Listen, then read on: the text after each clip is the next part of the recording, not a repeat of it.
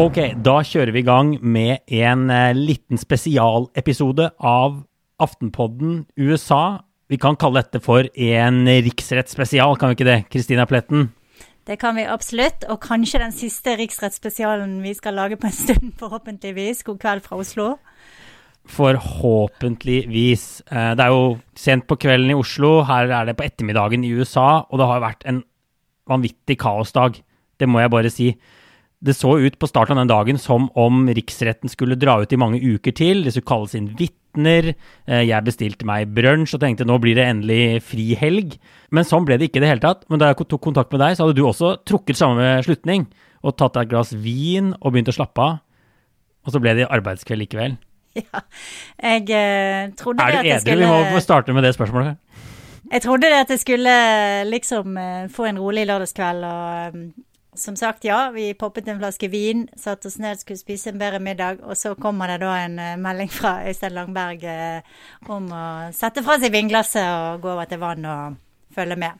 Så det har jeg gjort. Ja. Så relativt klar i toppen nå. Sharp og klar til å analysere det vi har vært vitne til. For det har jo vært eh, Det har bare vært utrolig spennende, egentlig. En utrolig spennende uke. Selv om man jo hele tiden følte at man visste hva resultatet ble. Men kan vi ikke bare først ta overskriften? Jo. Hva vil du si er det viktigste du tar med deg fra, fra avstemningen i dag? Det viktigste jeg tar eh, med meg fra avstemningen i dag, og jeg er ganske overrasket, det er at dette kunne Mitch McConnell fått til hvis han ville. Trump kunne blitt dømt, og det var en overraskelse.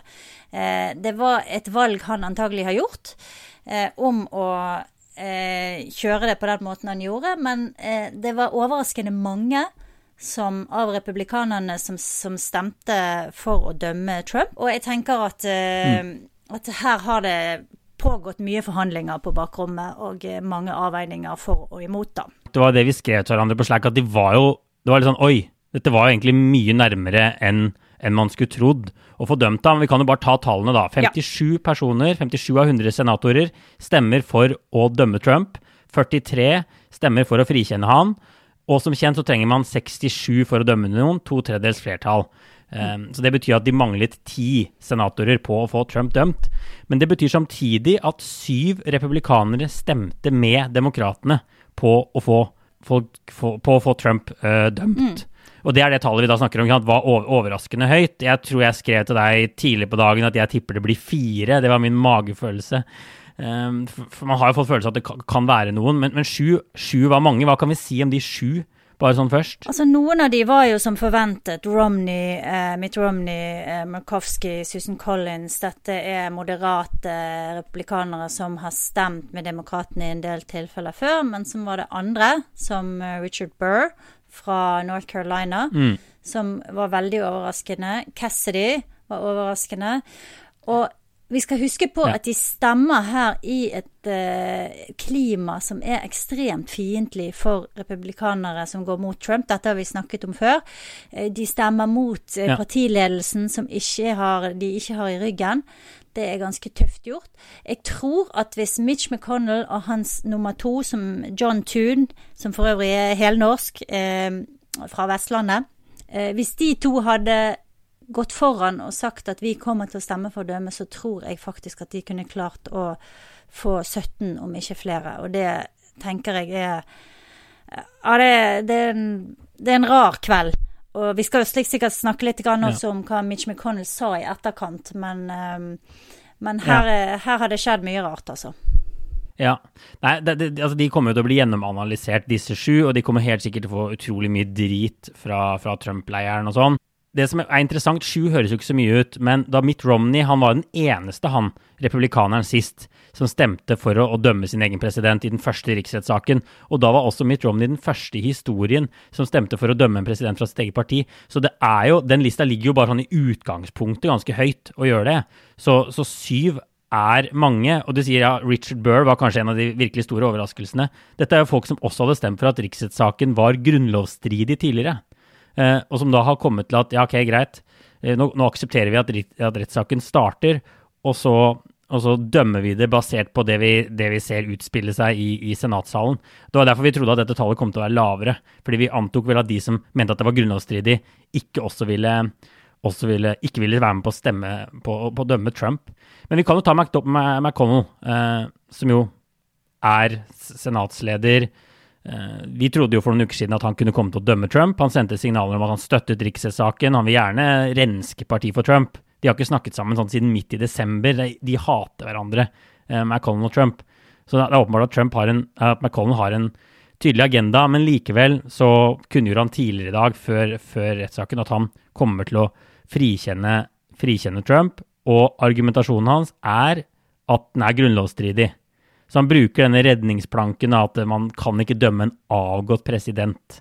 Eh, fordi da er man en vanlig borger, mener McConnell. Ja.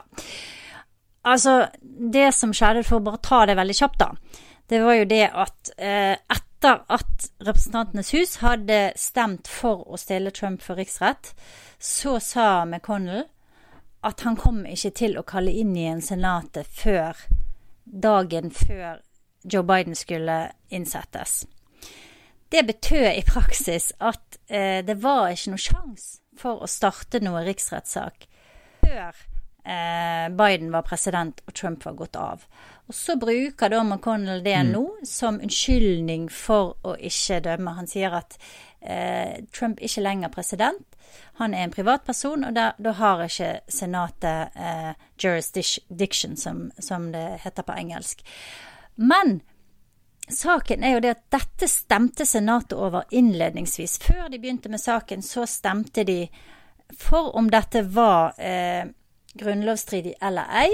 Senatet bestemte at det mm. var ikke det, og så kjørte de i gang med saken. Så han argumenterer med en slags prosedyre samtidig som de har stemt over den prosedyren og stemt den ned. Altså, det er en sånn sirkulær eh, logikk som ikke henger på greip, og det er en veldig feig måte av McConnell å avslutte dette her på. Samtidig så holdt han jo nå Eh, rett før vi begynte å spille inn podden, en tordentale mot Trump, der han sa at det var ingen mm. tvil om at han var skyldig. Det var bare én person som eh, var ansvarlig for denne her eh, stormingen av Kongressen. Han, han, og han sa vel også, gikk vel også ganske langt i å si at han burde eh, bli, eh, bli stilt for en vanlig domstol, da. Så det, ja. Det, ja, det, er nesten Jeg kan nesten ikke tro mine egne ører på det vi har uh, hørt i dag. Altså det. Nei, det var en veldig ja. interessant Ja, det var en veldig interessant tale. Han prøver å liksom have your cake and eat it too. Sant? Han prøver å både, både frikjenne og dømme han på samme, på samme, tid, føles det som, da. At han, uh, han prøver å gjøre en sånn uh, Et stykke politisk gymnastikk som Ja, vi får se om det, om det blir vellykket til slutt. Ja, Nei, altså Det McConnell sa, var jo at, at, Trump er praktisk og moralsk ansvarlig for angrepet på, Kongressen. Det var på en måte ingen tvil. Så det, holdt jo en, en sånn tordentale som kunne vært for, altså, an, anklagerne, Trumps anklageres verdig, med alle de samme argumentene. Bare at han kommer til konklusjonen at men vi kan ikke dømme ham, for det er ikke i tråd med Grunnloven. Og man må jo også bare si at noen, De har noen juridiske eksperter som er enige med seg om det grunnlovsargumentet, men de, det virker som eh, liksom, flertallet av juridiske, juridiske eksperter mener man kan dømme avgåtte presidenter. Man har dømt ikke avgåtte presidenter før, men folk som har sittet i embetsstillinger og godt så det er historisk presedens.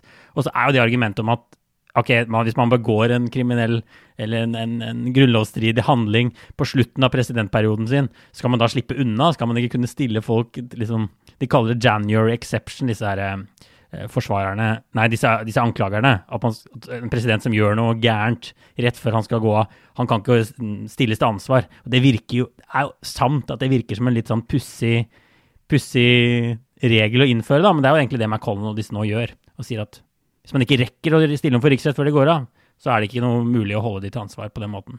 Ja, og um, de var veldig smarte da med å komme opp med det uttrykket 'January exception', altså at det var en slags sånn smutthull, januarsmutthullet, mm. som eh, de da sier kan danne en slags presedens.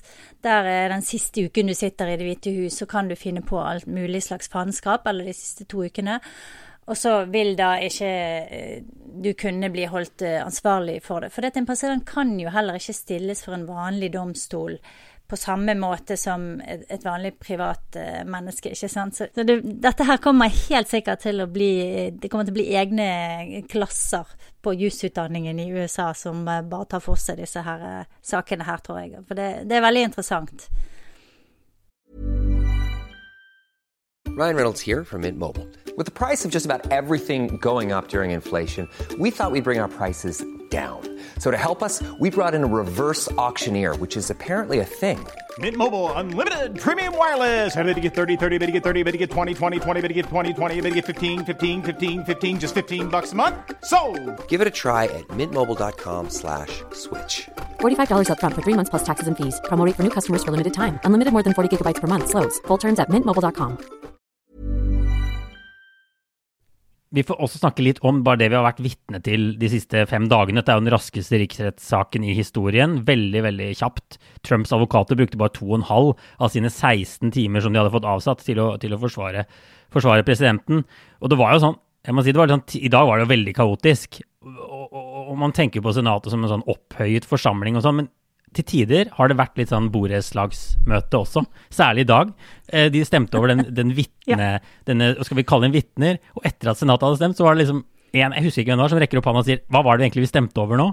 Og så var han ikke klar over det, og så måtte ja. de møtes og samles sånn.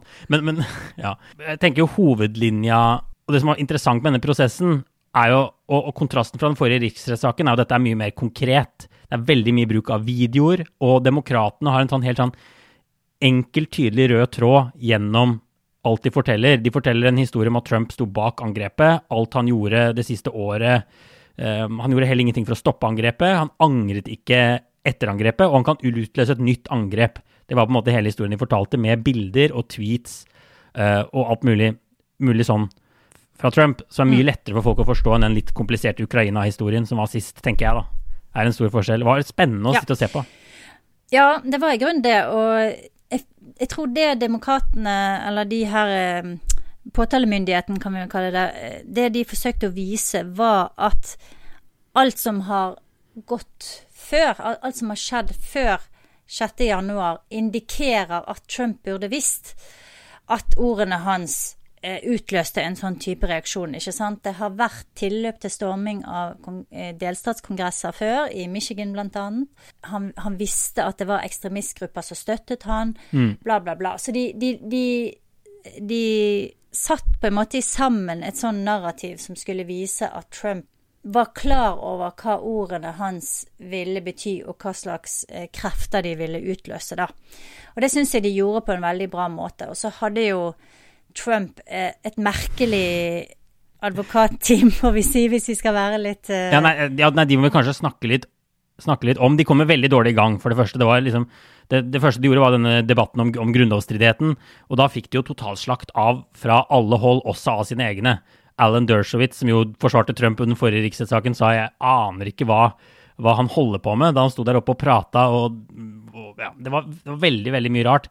Og så kom de kanskje, de kom seg kanskje litt til De kom seg kanskje litt mer på banen etter hvert, men de var tydelige at de var der for å gjøre klienten sin, eh, Donald Trump, fornøyd. De brukte veldig mye trumsk språk. De snakket om heksejakt. De langet ut mot demokratene, mot mediene. Av og til så sto han rett i kamera. Eh, liksom over, eh, over pressetribunen på Senatet der, opp, opp i kamera og snakket til det amerikanske folk, han, han forsvareren. Og dette er jo ikke folk, folk som egentlig er eksperter på grunnlov og riksrett og den type ting. Nei, Eh, han som eh, Vander Wien, som eh, holdt, eh, som holdt eh, stand i dag, eh, var jo en spesiell fyr. Og det var jo spesielt en, et tilfelle der han hisset seg sånn opp og, og sa at hvis, hvis, de kalte inn vitner, så skulle han kalle inn hundre, hvis ikke hundrevis av vitner. Og de skulle komme til hans kontor i Philadelphia. Og så begynte alle å le i Senatet. Og det var liksom noe sånn Eh, ja. Det ble sånn farseaktig, da. Hele greien i dag, syns jeg. Det, det, det, det, sklei liksom over i en farse. Men jeg tenkte på, når jeg så han i dag, så tenkte jeg på Brett Kavanaugh og måten han oppførte seg på under sine høringer. For det, det eh, ble jo kjent i etterkant at Trump syntes det var helt supert at han var så sinna og, og aggressiv, da. Det syns Trump var helt fantastisk. Og eh, jeg tror at han, eh, Van der Veen i dag prøvde på noe av det samme. Han prøvde å liksom kanalisere sinne og indignasjon, ikke bare på vegne av Trump, men også på vegne av ikke sant, alle hans velgere.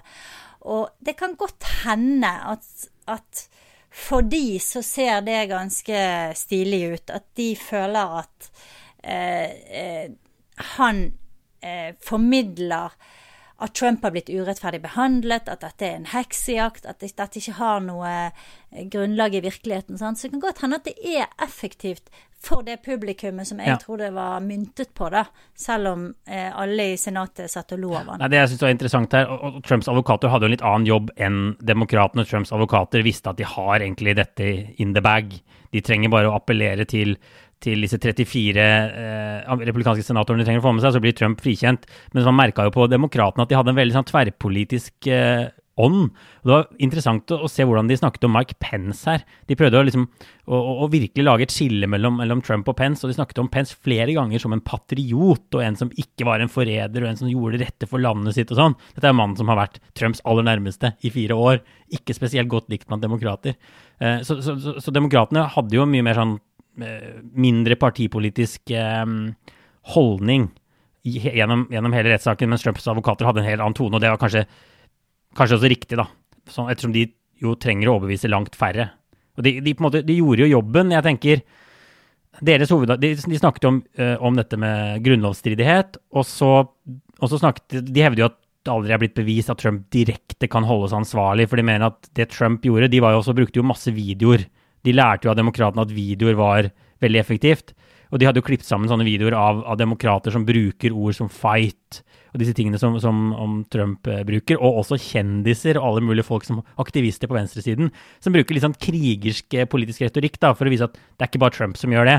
Og jeg tror også det er sånn Ja, det jo Det er jo altså, det er jo ingen av de som har ført, altså, sendt en mobb for å angripe Kongressen. Men det kan godt hende det fungerer på tilhengerne til Trump og på nok av senatorene til at de syns det er god argumentasjon da, og noe de kan bruke, eh, bruke etterpå. Ja. ehm, jeg tror at når det gjelder Pence, da, så var det en veldig sånn bevisst strategi. Han har eh, personlig forhold til mange av disse republikanske senatorene. De kjenner han godt. De liker han. Han er eh, en av de, på en måte. Og det var jo på den tydeligste måten demokratene kunne fortelle til disse republikanske senatorene at Se hva som skjedde med Mike Pence. Det kan skje med deg òg. Han tar ikke fem øre for å dolke deg i ryggen hvis han eh, føler at det er i hans interesse. Så, eh, så sender han mobben for å henge deg, ikke sant. Så jeg tenker det var liksom det ganske tydelige budskapet til eh, mm, eh, de republikanske senatorene. Og så vil jeg kanskje trekke frem én ting til, da. og Det var at jeg syns disse kongressmedlemmene, eller eh, kongressmennene og -kvinnene som førte saken, eh, var utrolig flinke. Og der kom det jo frem noen nye stjerner eh, på den demokratiske demokratiske politiske himmelen. Eh, jeg vil trekke frem Stacey Plaskett, som er fra Virgin Islands, faktisk. Så hun, eh, har jo, hun er jo fra et territorium, og ikke fra en amerikansk stat. Men uh, var fantastisk og hadde noen uh, noen fremføringer som jeg syns var kjempebra, og virkelig eh, ja, satte skapet på plass ved en del anledninger. Da, og, og, og var liksom veldig sånn myndig og tydelig uten å bli sånn sint og melodramatisk som jeg syns Trumps eh, forsvarer var. Så, så jeg tenker at for meg var, det, var, var noen av hennes innlegg eh, høydepunktet i disse, løpet av disse dagene. Confidence starts with loving who you are. And when your skin feels nourished and glows on the outside, you naturally radiate confidence from the inside. Give your skin a glow up with Osea's clinically proven Mega Moisture Duo. This ultra hydrating body care features two of Osea's best sellers, Undaria Algae Body Oil and Undaria Collagen Body Lotion. These seaweed powered heroes use skincare level ingredients normally reserved for your face for results you can see and confidence you can feel. Osea has been making clean, clinically proven seaweed infused face and body care products for over 28 years. This luxurious skincare is vegan, cruelty free, and climate neutral certified, so you never have to choose between your values and your best skin. Glow from the inside out. Get 10% off your first order with code GLOW at OseaMalibu.com. That's O S E A Malibu.com code GLOW. Men du, bare helt til slutt får vi også snakke litt om, om eh, sjefen sjøl, eller hovedpersonen sjøl, eh, Donald Trump. Etter at, dette, etter at han har blitt frifunnet, så skrev jo selvfølgelig sønnene hans, som jo fortsatt får lov til å være på Twitter. 2-0 skrev Eric Trump. Nå har Trump blitt frikjent for andre gang. Trump selv skriver 'Jeg har så mye å dele med, det, dette, dele med dere' til tilhengerne sine. Eh, det, det, kommer mer i månedene fremover. ikke sant? Det virker som han i hvert fall vil eh, fremstille som at det, kommer til å skje masse, da. Det kommer en, en bevegelse her. Trump skal fortsatt være i, være i rampelyset. Hva tror du dette betyr for, for Trump og den delen av partiet som han styrer over? Det mest åpenbare det betyr for Trump, er at han kan stille som presidentkandidat igjen i eh, 2024, hvis mm. han vil det. Det var jo, Hadde han blitt dømt, så hadde han blitt eh, sannsynligvis blokkert fra det. Så han er jo fortsatt en viktig spiller i det demokratiske, i, unnskyld, i det republikanske partiet. Eh, så har det jo vært i de siste dagene flere som har prøvd å liksom øke profilen sin, og kanskje det på en måte er en slags utfordring til Trump, da. Eh, F.eks. Eh, Nikki Haley, tidligere FN-ambassadør, tidligere guvernør i South Carolina. Eh, var en stor profil på henne i Politico. Eh, hun har helt klare ambisjoner frem mot 2024. Det er flere andre republikanere som også har det. Så jeg tror at Trump kommer til å få kamp om makten. Men de, eh, Haley i intervjuet snor seg litt sånn på samme måte som McConnell. For hun vil gjerne ha disse Trump-velgerne. Hun vil ikke angripe Trump direkte, men mm. samtidig så tar hun litt avstand fra han også. Og jeg tror nok at det er de som er smartest, de vil nok, eh, de vil nok gjøre det på den måten der. De vil ikke gå helt i, i strupen på han, men de vil heller ikke eh, De vil heller ikke liksom være helt sånn trumpist, ikke sant. Så, så vi vil nok se i månedene fremover, Nei. tror jeg, at mange vil, vil begynne å posisjonere seg ganske raskt. Ja. Jeg tenker at det at sju stemte for å dømme Trump, viser at det er ganske mye sinne i den etablerte delen av det partiet mot Trump. Og det er også McConnells tale er jo Han forsøker jo egentlig å gå veldig langt i å si at må, altså, Trump kan ikke komme tilbake han prøver egentlig å ødelegge Trumps renommé samtidig som han stemmer for å, å frikjenne han. Det er en veldig sånn knusende tale mot Trump, det McConnell kommer med, som, som nærmest sier at han bør liksom dømmes i det vanlige rettssystemet. Det er bare Grunnloven som gjør at vi ikke kan, ikke kan dømme han nå. Hvis ikke så ville jeg gjort det. Det er jo egentlig det han, det han nærmest sier. Jeg så også Carl Rowe var ute tidligere i uka, sånn republikansk gammel ringrev, og sa at han mener liksom at Trumps renommé er ødelagt etter denne uka her, med alle de bildene. og Det virker som demokratene delvis har forsøkt å fortelle en historie også til det amerikanske folk her, eh, og prøve, prøv å dra, dra renommeet til Trump litt gjennom søla. og de har nok jeg vet ikke målingene, hva målingene kommer til å vise, men det er jo allerede stor Trump-skepsis der ute. og det, disse siste fem dagene har vært en påminnelse om hva som faktisk skjedde under, under Trump. Um, så, så, jeg vet ikke. Tror du, tror du, det blir vanskeligere for han å komme tilbake etter det her, eller? Altså, han er jo også frifunnet. Altså, han er jo et me en mediegeni. Eh, hvis han, hvis, hvis han har én mm. uh, overlegen uh, evne over alle andre politikere, så er det det at han er et geni til å prof profilere seg sjøl og bruke mediene. Jeg tenker at han vil snart være ute og holde folkemøter. Vi får se. Kanskje dukker han opp mye på Fox News. Kanskje finner han seg nye plattformer, nye måter å nå gjennom på. Han har jo ikke lenger Twitter-kontoen sin, og den er vel permanent blokkert. Men jeg vil ikke avskrive han sånn som det ser ut nå, eh, fordi at jeg tenker at eh, republikanerne har vist en feighet og en svakhet hele veien overfor Trump. De er livende redd han, og det er jo det eh, denne her dagen her har fortalt oss nok en gang.